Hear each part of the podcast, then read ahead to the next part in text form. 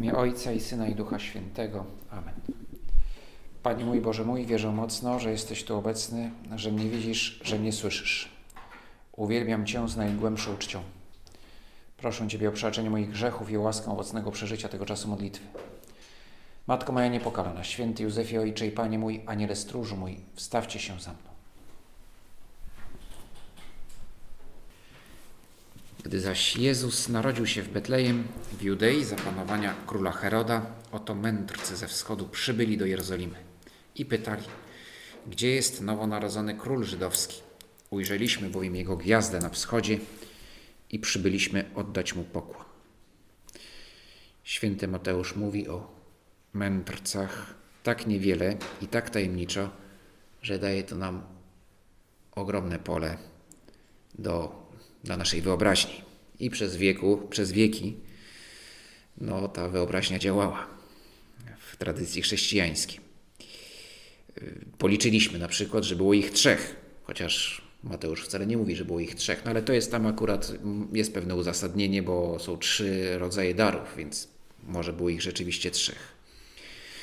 Daliśmy im koronę i przypisaliśmy do kontynentów.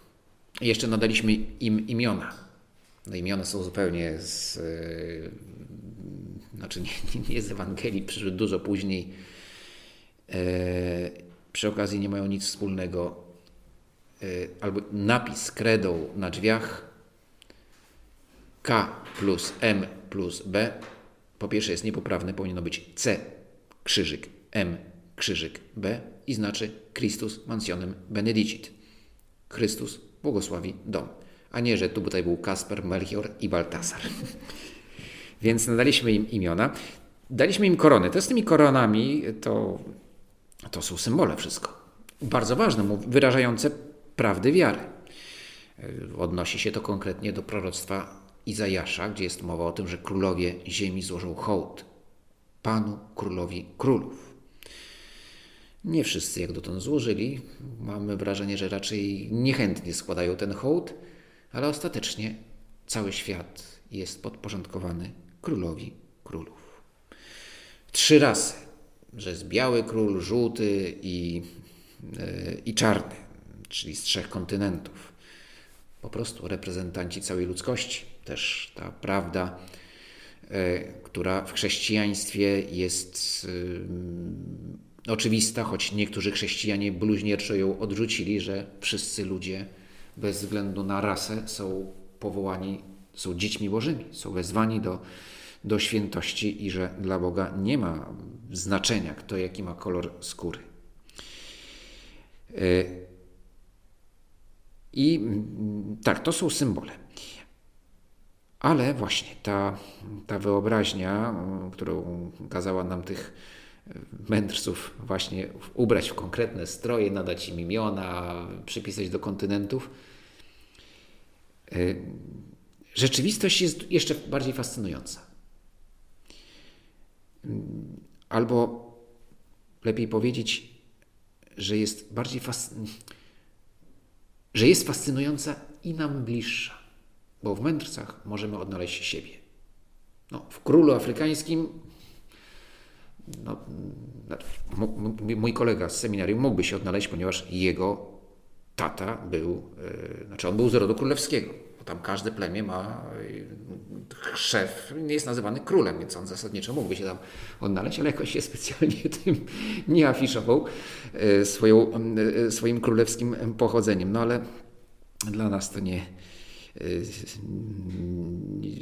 trudno się to utożsamiać z królem afrykańskim. Natomiast e, owszem, w mędrcach ze wschodu, gdy się zastanowimy, kim oni mogli być, owszem, możemy się odnaleźć. E, albo raczej znaleźć dla siebie, dla każdego z nas przykład, jak wejść w relację z Bogiem. Przyszli ze wschodu, z królestwa Partów. No, to mówi Mateusz. Hipotezy są dwie. Albo, że byli Persami, albo Chaldejczykami. E, I chyba przeważa w tej chwili ta, ta na, na rzecz Persów. Byli ludźmi nauki, magoi. Ale nie magowie tacy tam od sztuczek magicznych, czy jakiejś czarnej magii, tylko magoi to byli, można powiedzieć, naukowcy. A w tamtych czasach każdy naukowiec mniej lub bardziej zajmował się astrologią. I nie ma się co śmiać, bo hipoteza, że ruchy gwiazd wpływają na, na życie człowieka, choć błędna, w tamtych czasach była bardzo racjonalna. Ponieważ nie znano natury gwiazd i planet, ich ruch mm, bardzo uporządkowany wyrażał jakiś porządek kosmiczny. Porządek kosmiczny wpływa na nasze, na nasze życie. Jesteśmy częścią kosmosu. To było bardzo racjonalne. Dzisiaj nie, bo wiemy, jaka jest natura kosmosu yy, i czym są planety i gwiazdy. Ale wówczas było inaczej. Zobaczymy, ile naszych teorii na temat świata za tysiąc lat będzie budził, budził mm, uśmiech. Mm, może takiego, może nie politowania, tylko taki wyrozumiałego, ale jednak, wyrozumiały, ale jednak uśmiech. Zresztą bez astrologii nie byłoby astronomii. A bez fascynacji rzeczywistością, jaka była u ówczesnych astrologów, nie byłoby w ogóle nauki. Bo przecież co znaczyło, że ludzie się patrzyli w niebo i zastanawiali się nad ruchem gwiazd i jaki ma to wpływ na, na, na rzeczywistość? Najpierw była fascynacja tą fascynacja niebem, ciałami niebieskimi, ich ruchem tak uporządkowanym, a równocześnie w tym porządku były jakieś tajemnicze odchylenia, które dopiero Kopernik odkrył, z, czego się e, brały. Więc, aby uprawiać naukę, potrzebny jest zachwyt rzeczywistością. Bez tego nie ma nauki. Może być co najwyżej technika, ale technika to nie jest nauka. Używali rozumu, używali wiedzy, taką jaką mieli. Mądrze jej używali. I dlatego Bóg przemówił do nich językiem nauki. Do każdego przemawia językiem dla niego zrozumiałym. Do pasterzy przemówił inaczej. Oni też byli mądrzy i poszli za tym głosem. Prości ludzie, nie mający wiedzy, taki jak owi mędrcy. Ale ci mędrcy ze wschodu mieli wiedzę i ją wykorzystali. Ich koledzy nie. Przecież to zjawisko na niebie widziało wielu, ale tylko oni zrozumieli jego sens. Niemal na pewno, oprócz astrologii, mieli wiedzę o świętych księgach. Jeśli byli Persami, no to o świętych księgach Persów, ale, e, ale w których też były pewne jakieś tam zapowiedzi mesjańskie, ale bardzo prawdopodobne, że mieli kontakt, że znali co najmniej niektóre e, teksty świętych ksiąg żydowskich, a więc naszej, a więc objawienia Starego Testamentu, bo przecież te księgi są święte i dla nas i w nich odnajdujemy e, Słowo Boga. Prawdopodobnie byli wyznawcami jednego Boga. I znowu w przypadku Chaldejczyków no to jest, byłoby trudniejsze, ale Persowie, mm, religia perska wówczas y, no, była w swej istocie y, religią Boga jedynego. No, oczywiście nie, nie było tej, tej czystości, która była w religii Starego Przymierza, ale widzieli, prawda, że jest Bóg, nazywał się Ahura Mazda, którego, no, który był Bogiem jedynym. Potem oczywiście był cały system skomplikowany, różnych jego emanacji, potem jakiegoś istnienia jakiegoś sił zła, które ten Bóg yy, zła odwiecznego, który on pokonuje to mnóstwo elementów, które są nie do pogodzenia z naszą, z prawdziwą wizją Boga, którą przynosi nam objawienie, ale, ale byli wyznawcami Boga jedynego. I szukali prawdy. I to jest najważniejsze szukali prawdy. My żyjemy w epoce zdominowanej przez technikę, w której mówi się bardzo dużo o nauce, wręcz używa się słowa nauka jako zaklęcia. Naprawdę czasami tragikomicznie to brzmi, kiedy ktoś powołuje się na naukę, mówiąc, a to jest naukowe, a nie, nie, bo to jest naukowe. Jak jest naukowe, to znaczy, że już bezdyskusyjne. No, można podać wiele przykładów naukowych teorii, które doprowadziły do, do zbrodni. Rasizm na przykład był teorią naukową. Na uniwersytetach to profesorowie wymyślili. Więc to jest zaklęcie, nauka, uwaga na to zaklęcie. Bo właśnie, że jest traktowane jako zaklęcie, a nie jako szukanie prawdy o rzeczywistości. Jeśli w dzisiejszych właśnie eksplozja jakiegoś irracjonalizmu i równocześnie z, powo z powoływaniem się na naukę. Ktoś uważa, że zarodek ludzki jest częścią ciała matki i jeszcze mówi, że to jest naukowe. No nie, przecież to jest nauka na poziomie naprawdę epoki kamienia łupanego. Bo już później już jakoś się nakorientowali, że chyba jednak nie. Dzisiaj nie ma najmniejszej wątpliwości na gruncie nauki, że nie jest to część ciała matki, bo ma osobny kod genetyczny. Więc to są poglądy, ktoś jest modne mówić, że ktoś ma, jest zacofany, to jest średniowieczne, to średniowieczne poglądy. Więc tutaj mm, myślę, że to byłoby przerażające dla niektórych tutaj działaczy proaborcyjnych, jakby się dowiedzieli, że tkwią w głębokim średniowieczu. Albo jeszcze dalej. E, jeżeli ktoś wyraża swoją opinię o najważniejszych pytaniach dotyczących człowieka, które rzeczywiście są pytaniami, które nas dręczą i na które mogą odpowiedzi są różne, choć tylko jedna będzie prawdziwa, ale co najmniej, że zadaje to pytanie, kim jest człowiek, czym jest wolność, jakie są granice naszej wolności, jakie są granice y, interwencji wspólnoty w życie jednostki, to są bardzo ważne pytania. Ale jeżeli one są debatowane za pomocą kilku przekleństw, E, czy przemocy, demolowania kościołów czy bujek z policją, no to znowu to bliższe jest raczej Hunom albo Longobardom niż, e, niż tej cywilizacji oświeconej, w której rzekomo żyjemy. Z całym szacunkiem dla Hunów i Longobardów, ponieważ w, u dzisiejszych Włochów płynie krew Longobardów, a u Węgrów krew Hunów. Więc jest szansa na ucywilizowanie. No ale to parę wieków minęło, albo nawet kilkanaście. E, mam nadzieję, że teraz to ucywilizowanie nastąpi szybciej. Mędrcy ze wschodu badali świat i usłyszeli głos Boga. Byli mądrzy i uwaga, byli odważni bo odpowiedzieli. Byli mądrzy, bo wiedzieli, że skoro Bóg wzywa, to jego wezwanie nie może pozostać bez odpowiedzi. Kto nie odpowie, jest głupcem, skoro mówi Bóg. Trzeba odpowiedzieć, ale uwaga, nie wystarczy wiedza, że trzeba odpowiedzieć. Potrzebna jest też odwaga, decyzja. I wyruszają w niebezpieczną podróż, aby poznać prawdę nie tylko, żeby poznać prawdę w sensie intelektualnym. Oni wyruszają, żeby spotkać się z prawdą, żeby oddać pokłon Bogu. To jest cel ich podróży. No, Bogu oni tutaj ściśle rzecz biorąc, oni nie wiedzieli, kim będzie ów nowonarodzony król królów.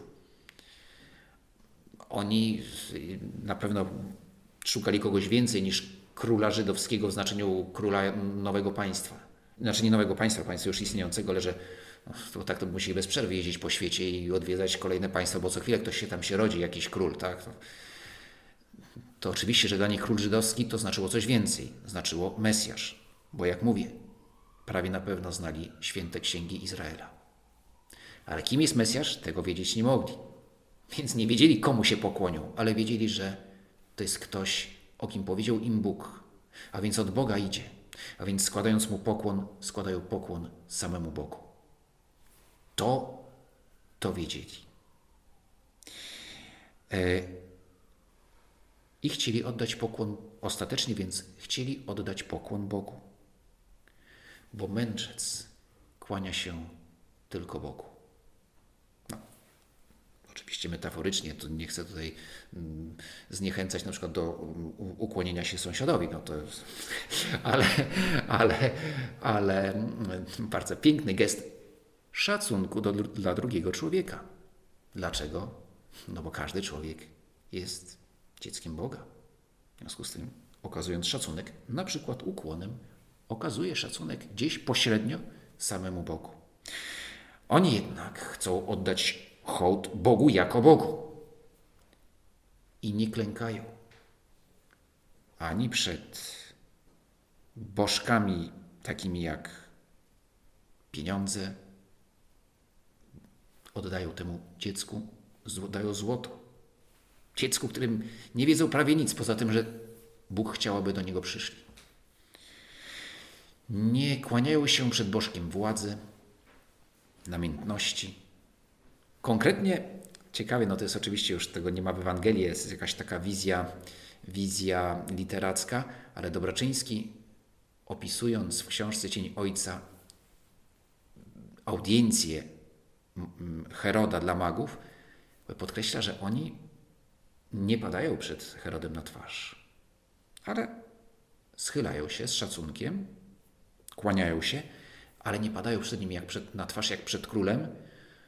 E, no i Herod e, tutaj nie reaguje, bo, no bo to są aryst prawdopodobnie arystokraci, w każdym razie osoby ważne z królestwa Partów. No więc jakby mają prawo nie paść na twarz przed królem żydowskim. E, ale to jest symboliczne, że oni nie, nie, nie że się, znaczy Dobraczyński to ukazuje, no tak jak, jak to mogło wyglądać w sensie historycznym, no ale też jakby podkreślając, że oni przyszli pokłonić się prawdziwemu królowi świata, który od Boga pochodzi, który jest Bogiem.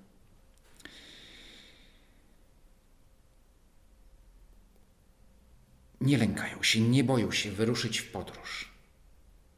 Podróż wtedy to nawet dla ludzi zamożnych. To było bardzo poważne przedsięwzięcie. Był zwyczaj na przykład, że sporządzono testament. W dawnych czasach był zwyczaj, że przed daleką podróżą sporządzono testament. No to nie wiadomo, czy wrócę, czy nie wrócę. Oni wyruszają. Życie wiarą szukanie woli Boga jest ryzykowne. Można powiedzieć wręcz, że jest niebezpieczne. Niebezpieczne w jakim znaczeniu? No, że jeżeli wejdę na drogę wiary, to nie pozostaje mi nic innego, jak odpowiedzieć Bogu.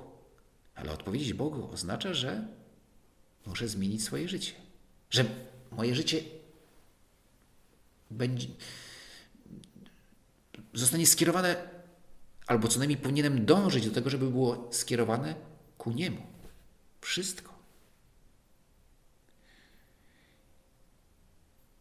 Może to oznaczać radykalną zmianę na co dzień. Na przykład pokochać mojego bliźniego i właśnie tego, którego nie znoszę i nie cierpię. Ale akt wiary oznacza, że co najmniej spróbuje go pokochać.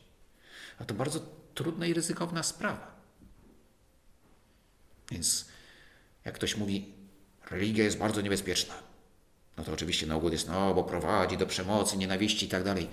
Nie, jest bardzo niebezpieczna, bo może oznaczać, że będziesz musiał się zmienić i będziesz musiał przestać na przykład pleść głupoty, przestać hejtować innych, że będziesz musiał podjąć jakiś wysiłek, może nawet w małej sprawie, ale bardzo duży. Na przykład, żeby zacząć się uśmiechać do swoich kolegów i koleżanek z pracy czy ze studiów. No to jest rzeczywiście niebezpieczne. Jak ktoś poważnie potraktuje wiarę, no to, to nie może pozostać obojętny. Wyrusza w drogę.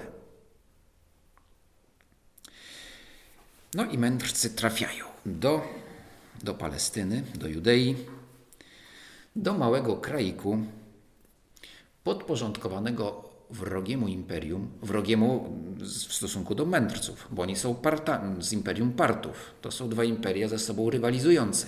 No akurat wtedy nie było stanu wojny, ale tam co rusz do wojny dochodziło. Jeszcze tym kraikiem niesuwerennym rządzi jakiś psychopata. No, że to było widać od razu. Oni nawet już wjeżdżając do Izraela już słyszeli, co tam się dzieje w Jerozolimie. Skoro to usłyszał król Herod, przeraził się, a z nim cała Jerozolima. Cała Jerozolima się przeraziła, kiedy król się przeraził, to cała Jerozolima też drżała, bo już było wiadomo, nie wiadomo było, co on zrobi, nie? Jak się przerazi, no jak, to, jak niebezpieczne zwierzę, jak jest przestraszone, to, jest, to, to, może, to może ugryźć. Zebrał więc wszystkich arcykapłanów i uczonych ludu i wypytywał ich, gdzie ma się narodzić Mesjasz. Ci mu odpowiedzieli w Betlejem Judzkim, bo tak napisał prorok. No i tutaj jest cytat z proroka Micheasza. Mędrcy słuchają ekspertów, którzy wskazują Betlejem. Notabene, notabene eksperci nie idą do Betlejem. Wskazują i nie idą. E, ani im w głowie kłaniać się nowemu, ani nawet nie tylko kłaniać się, nawet wspominać, że tam rzeczywiście mógł się narodzić król żydowski, bo, bo mają przed sobą Heroda, który jak tylko nie mrugnął okiem, że, że uważają, że rzeczywiście tam się narodził król żydowski, no to stracą głowę. Dosłownie, to znaczy zostaną ścięci.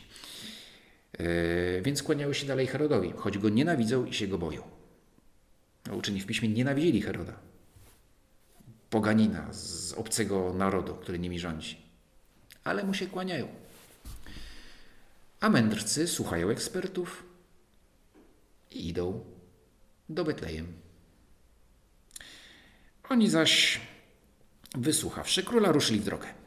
A oto gwiazda, którą widzieli na wschodzie, szła przed nimi. Aż przyszła i zatrzymała się nad miejscem, gdzie było dziecię. Gdy ujrzeli gwiazdę, bardzo się uradowali.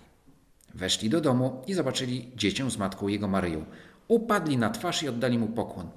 I otworzywszy swe skarby, ofiarowali mu dary: złoto, kadzidło i mirrę. Mędrcy nie dali się zwieść pozorom. Co zobaczyli? Ubogie miasteczko, o którym mówiono, że kiedyś tam dawno temu, owszem, narodził się wielki król Dawid, ale to było dawno. Dawno i prawda, ale przede wszystkim dawno. Teraz to, no to jest taka, dobrze, nie chcę tutaj wymieniać nazwy żadnego polskiego miasteczka, no w każdym razie małe miasteczko i zapuszczone. I, I ubogi dom, już pewnie nie była to stajenka, ale ubogi dom i ubodzy ludzie. Oni wchodzą i oddają pokłon, nie mają wątpliwości. Prawdopodobnie, no, co im pomogło w tym, żeby, co było potwierdzeniem, gwiazda nad tym domem, ale też spojrzenie na Maryję i Józefa. Nie wiemy, czy mogli z nimi porozmawiać. Pewnie mieli jakiegoś tłumacza, więc rozmawiali. A że byli mądrzy, to od razu chwycili, że, że tych dwoje wie bardzo dużo. E, tych dwoje im pewnie powiedziało: Tak, dobrze trafiliście. To jest właśnie Mesjasz. I w tym momencie mędrcy już nie mieli wątpliwości. Nie dali się zwieść pozorom. Zaufali.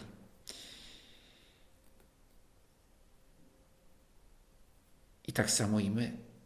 Jak ważne jest na naszej drodze wiary, abyśmy nie dali się zwieść pozorom, ale szli za prawdą. Naszym rozumem, ale i naszym sercem, odkrywając, gdzie jest Bóg i czego ode mnie chce. A otrzymawszy we śnie nakaz, żeby nie wracali do Heroda, inną drogą udali się do swojej ojczyzny. Jeszcze przez kilka dni w liturgii świętujemy Trzech Króli, konkretnie do niedzieli, w niedzielę Chrztu Pańskiego kończy się okres Bożego Narodzenia. Ale te kilka dni między objawieniem Pańskim i e, świętem Chrztu to są dni w liturgii poświęcone właśnie mędrcom. No, mędrcom, poświęcone Jezusowi, bo wszystko w liturgii jest poświęcone Jezusowi, ale, ale w tym właśnie aspekcie tego pokłonu owych tajemniczych mędrców ze wschodu. Może więc jest to dobry moment, te dni, abyśmy zastanowili się nad ich powrotem. I konkretnie, inną drogą wrócili do swojej ojczyzny. Historyk odpowie, no nic dziwnego, zostali ostrzeżeni. Y, było oczywiste, że nie będą wracać przez Jerozolimę, bo wpadną w ręce Heroda. Y, już wiedzą, wiedzą, kto to jest, domyślają się, co chce zrobić, więc, więc to postępują racjonalnie, mądrze, no, inną drogą wracają. Ale ta inna droga to jest też symbol. Kto spotkał Jezusa, nie idzie już tą samą drogą, bo spotkanie z Jezusem zmienia nasze życie. I już nie idziemy tą drogą co zawsze.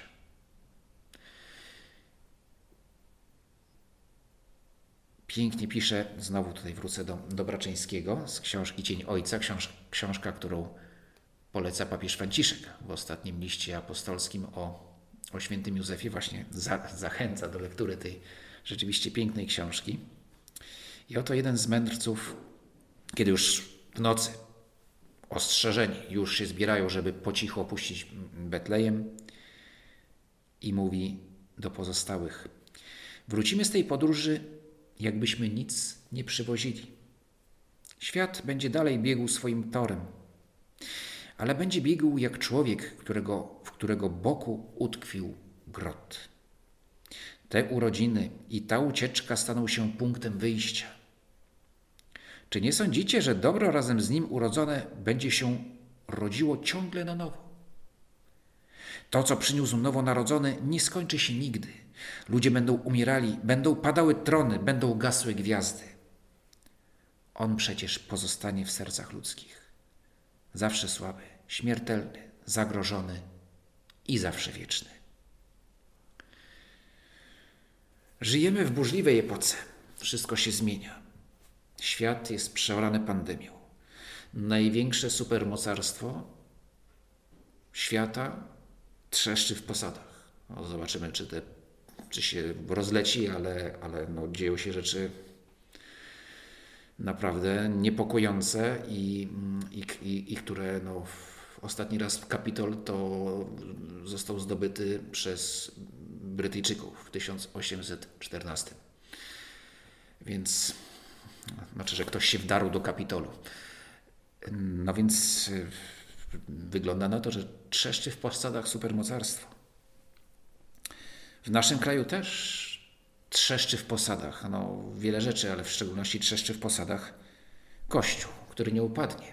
Ale widzimy, że, że przestał być drogowskazem dla dużej części a może nawet większości młodego pokolenia. I co budzi na pewno nas, nasz smutek, a przede wszystkim jednak powinien budzić na, być dla nas wezwaniem, abyśmy na nowo te, te, albo te, żebyśmy te fundamenty umocnili. A jednak Bóg stał się człowiekiem i prowadzi ludność, ludzkość do swojego królestwa. I po prostu tak jest. To, co mówił literackiej wizji Dobarczyńskiego, co mówił ów mędrzec, jest aktualne. Nic się nie zmieniło? Nie, wszystko się zmieniło. Dwa tysiące lat temu się zmieniło. A teraz może się zmieniać i będzie się zmieniać dużo rzeczy. Na lepsze i na gorsze. Ale On pozostanie w sercach ludzkich. Słaby, śmiertelny, zagrożony i zawsze wieczny, aby ostatecznie świat zaprowadzić do Ojca. Świat i każdego z nas. My, którzy słuchamy tego rozważania, ja też go słucham, gadam i słucham zarazem, spotkaliśmy Jezusa dawno.